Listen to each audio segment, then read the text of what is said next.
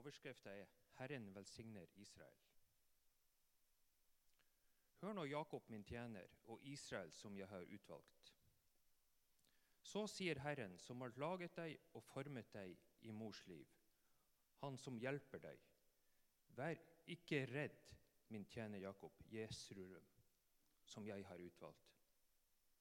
Jeg øser vann over det tørste og bekker over det tørre. Jeg øser min ånd over din ett og min velsignelse over dine etterkommere. De skal spire fram som siv i vann, som popler ved bekkefar. En skal si, 'Jeg tilhører Herren'. En annen skal kalle seg ved Jakobs navn.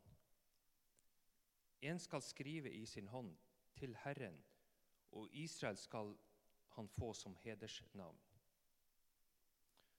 Så sier Herren, kongen som løser ut Israel, Herren over herskerne, her, herskarene. Jeg er den første, og jeg er den siste. Det finnes ingen annen Gud enn jeg. Med alt som vi mennesker får til. Er ikke Gud noe som egentlig er avleggs, som tilhørte fortida? Når skal mennesket bli voksent og klare seg sjøl? Og stå på egne bein uten å trenge Gud? I løpet av de siste par månedene så har jeg hatt to interessante samtaler. Og Den ene samtalen det var fra en person som sa Jeg har lyst til å tro på Gud. Jeg syns det ser veldig fint ut med det menighetsfellesskapet dere har. Men jeg klarer det bare ikke.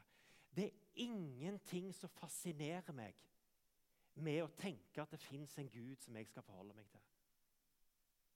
Jeg klarer det ikke. Fornuften min, følelsene mine, henger ikke med. Jeg klarer ikke å tro på Gud. Det er for mange ting som står i veien. På den andre sida så var det en annen person som sa det Ja, jeg går jo i denne kirka. Og jeg har kalt meg sjøl en kristen hele livet. Men jeg er jammen ikke sikker på om jeg kommer til å kalle meg sjøl en kristen om ti år. Det er for mange spørsmål.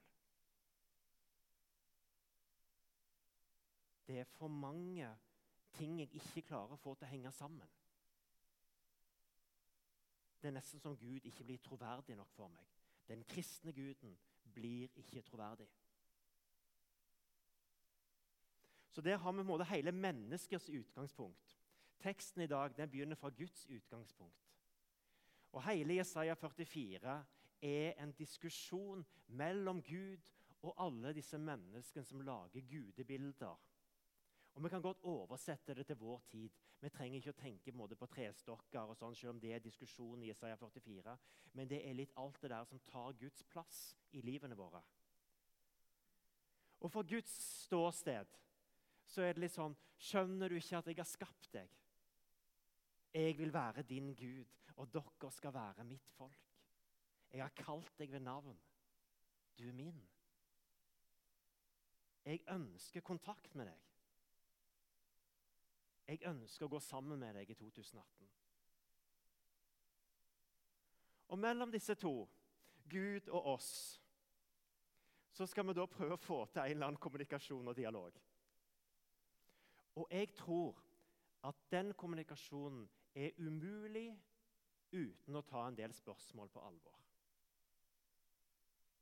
Bare tenk på når vårt bilde av Gud ble forma første gangen. I barneårene for de fleste av oss. Og det er ikke så langt mellom troen på Gud og troen på julenissen. Det er det samme i et barnesinn. Men barnet stiller ikke spørsmålstegn med det. Men så blir vi voksne. Og Hvis jeg spør deg, hvem er det som tror på julenissen, så er det ikke så mange som hadde rekt hånden i været. Eller måtte være tro på julenissen at det er kjekt å ha. Det er noen som kjente seg igjen. Ja, det er Joar. Han syns det er kjekt å ha. vet du. Ja.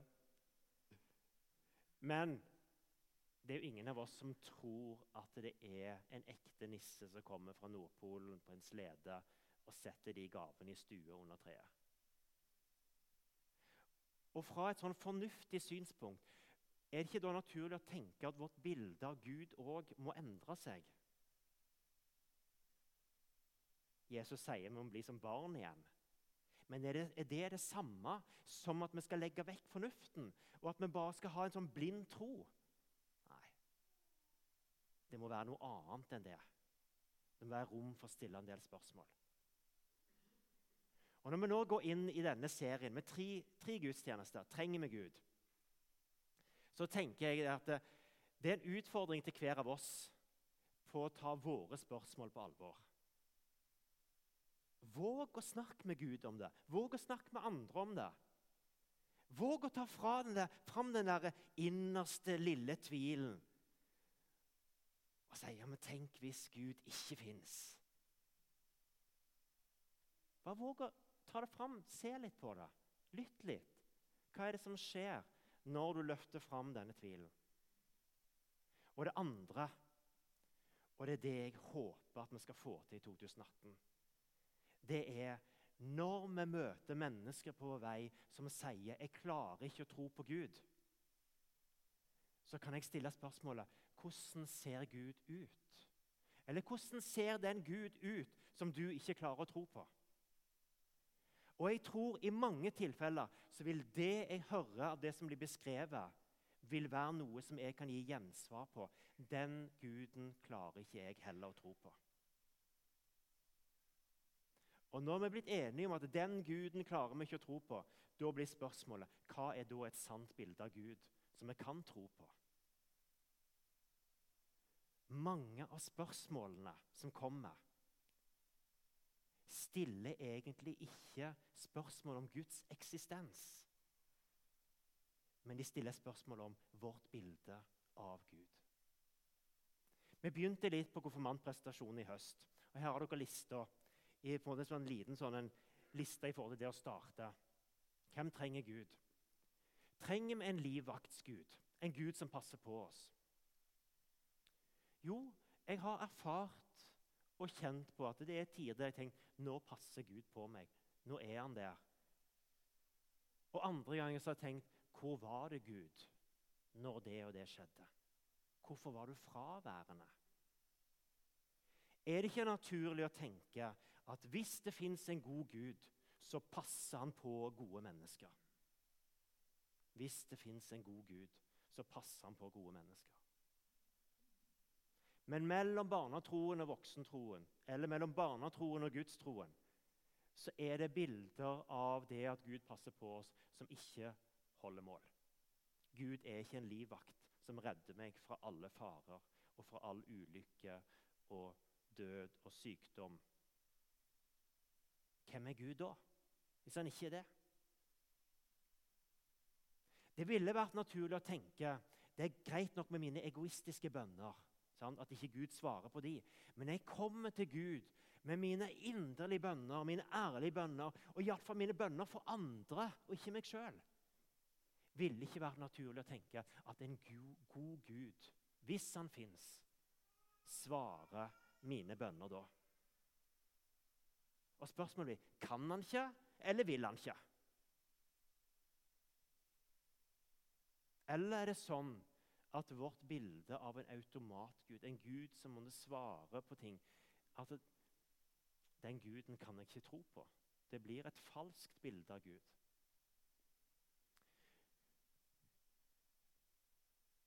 Selvfølgelig skal vi ha gode følelser. Kjæreste Gud. Tenk så godt å kjenne på det der når du kjenner deg elska og kjenner Gud er nær. Alle de der gode følelsene. Jeg er veldig glad for de. Men er det sånn at når jeg føler tomhet, når jeg føler tristhet, når jeg føler at Gud er langt vekke, er det sånn at Gud ikke eksisterer lenger da? Fins han ikke? Fins han bare i de gode følelsene og i den der opplevelsen av nærhet? Mange har forlatt den kristne tro fordi de sammenligna seg med et bilde av noen som fortalte om hvordan de hadde opplevd Gud. Og Gud som nær, og Gud som måtte tok vare på. Og når jeg ikke fikk det bildet til å stemme, så ble Gud òg irrelevant for meg. Men kan det være at det bildet av Gud heller ikke holder mål? Jeg vet i fall at hvis jeg skulle trodd på en Gud som oppfylte det ultimate av det å være en kjæreste, så hadde jeg vært skuffa, og jeg hadde fått latt den kristne tro for lenge siden. Skyld. Ikke så mye inn i vår tid. Men er det litt sånn Gud elsker deg, men det er på tross av hvem du er. Bare hør hvordan det høres ut. Gud elsker deg. Han elsker deg, men det er på tross av. På tross av hvem du er. Noen som har hørt den talen før? Jeg kjenner han litt i følelsene. Sant vel? Og jeg tipper at andre kjenner det enda mer i følelsene. Men holder det mål? Er det sånn at Gud er en Gud som elsker på tross av? Eller er det som det står i Romerbrevet Han elsket oss mens vi ennå var syndere. Før vi noen gang ble rettferdige i Jesus, så elsker han oss. Og Det betyr ikke bare at han tåler oss, men at han elsker med alt i sammen. Og Derfor så holder ikke det bildet heller. Gud er ikke en skyldens gud som bare er ute etter å avsløre feilene hos oss. Eller i beste fall formidle 'Jeg er glad i deg', på tross av. Det holder ikke mål. Antivitenskap. Må jeg velge mellom fornuft og blind tro? For noen var det det som ble spørsmålet. Idet de tok en utdannelse, fikk en del vitenskapelige spørsmål, så ble det går det an å forene tro og fornuft. Selvfølgelig gjør det det. Men da må man forkaste en antivitenskapsgud. Da nytter ikke det. Da må man beja vitenskapen. Psykologien, naturvitenskapen, sosialvitenskapene. Da må man beja alt dette her, og la det få lov til å utfordre og troen og Bibelen og det som har vært. Jeg tror ikke på en antivitenskapsgud. Noen har forlatt den kristne tro fordi at de møtte kristne som satte Gud på alt det som var uforklarlig. Og Kanskje var det spesielt knytta til helbredelser i noen tilfeller. For det var jo alt det som legen ikke kunne få til, det kunne Gud gjøre. Det var Guds domene. Han var den overnaturlige. Og så ble forklaringen at alt det som ikke kunne forklares, det er Gud. Og Hvis vi ser oss litt tilbake på historien Hvor mange ting har folk forklart opp gjennom historien med 'dette er Gud', og som har funnet ut at det er helt alminnelig? Det er helt forståelig. Fordi at det fantes en naturlig forklaring på det. Og Derfor kan ikke Gud bare være det der som er midt imellom alt det der jeg ikke kan forklare. La oss ta en liten kikk gjennom de. Hvis du bare blar til neste, Øystein. Livvaktsguden, en gud som aldri lar vonde ting skje med gode mennesker. Automatgud. En gud som oppfyller våre ærlige bønner. Kjæreste Gud. En gud som alltid kjennes nær. Skyldgud, en gud som elsker deg, men på tross av hvem du er antivitenskapsgud, en gud som ber deg velge mellom fornuft og tro. Eller forklaringsgud, en gud som forklarer alt vi mennesker ikke kan forklare i dag. Noen av dere vil tenke dette har jeg hørt før. Dette er selvfølgelig. Dette har jeg måtte plassert eller gått igjennom. Men jeg tror det er ganske mange mennesker på Ålgård som bærer med seg disse bildene av Gud. Og vi skal være nysgjerrige i 2018 på hvilke bilder av Gud som møter oss i samtalene rundt omkring.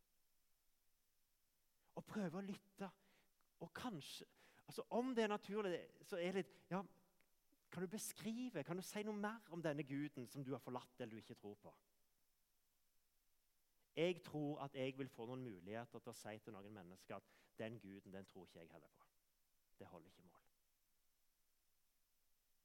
Men hva skal jeg da si? Ja, Hva Gud tror du på?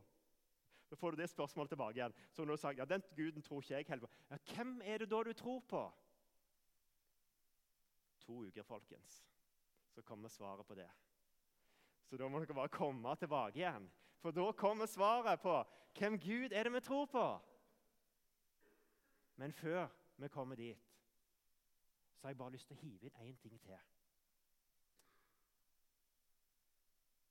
Er det sånn at vår tro står og faller med om Bibelen er sann? Er det sånn at vår tro bygger på Bibelen? Jo, han bygger på. Men står han og faller med? Står Guds eksistens Står den og faller med om jeg tror på alt som måtte står i Bibelen?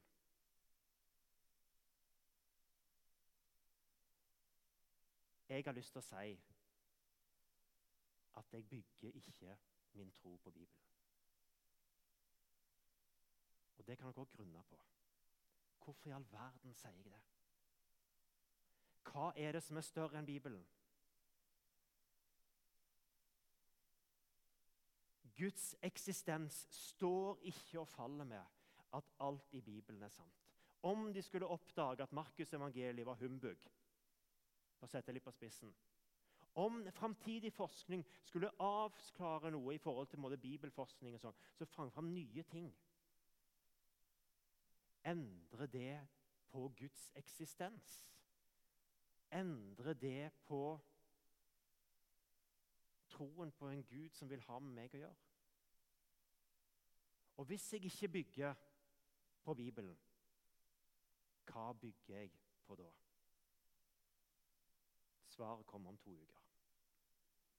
For nå skal dere få høre en sang som ja, Det er liksom en, en blanding av si, Du kan høre den fine musikken og ta imot kjæresteguden om du vil. Sånn. Gud som sørger litt for deg og sånn. Du kan høre litt av spørsmålene som reises i teksten. Men la oss våge å hive fram noen av spørsmålene våre i 2018 for å finne fram til et sant bilde av Gud som vi kan leve for og dø for.